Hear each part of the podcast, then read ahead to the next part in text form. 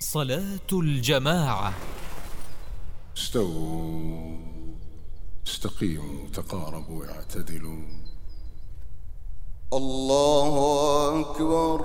حث النبي صلى الله عليه وسلم على صلاة الجماعة لما لها من فضل عظيم وثواب جزيل. قال عليه الصلاة والسلام صلاة الجماعة تفضل صلاة الفذ بسبع وعشرين درجة. أخرجه البخاري. قد قامت الصلاة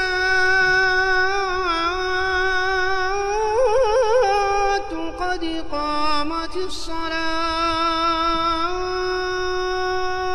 وعن أبي بن كعب رضي الله عنه قال كان رجل لا أعلم رجلا أبعد من المسجد منه. وكان لا تخطئه صلاة. قال فقيل له أو قلت له لو اشتريت حمارا تركبه في الظلماء وفي الرمضاء. قال ما يسرني أن منزلي إلى جنب المسجد. إني أريد أن يكتب لي ممشاي إلى المسجد ورجوعي إذا رجعت إلى أهلي. فقال رسول الله صلى الله عليه وسلم قد جمع الله لك ذلك كله.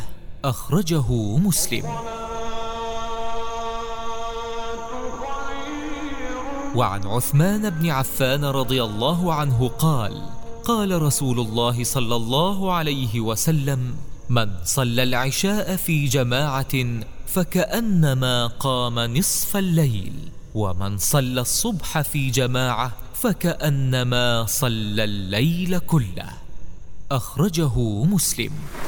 فضائل الأعمال. فضائل الأعمال.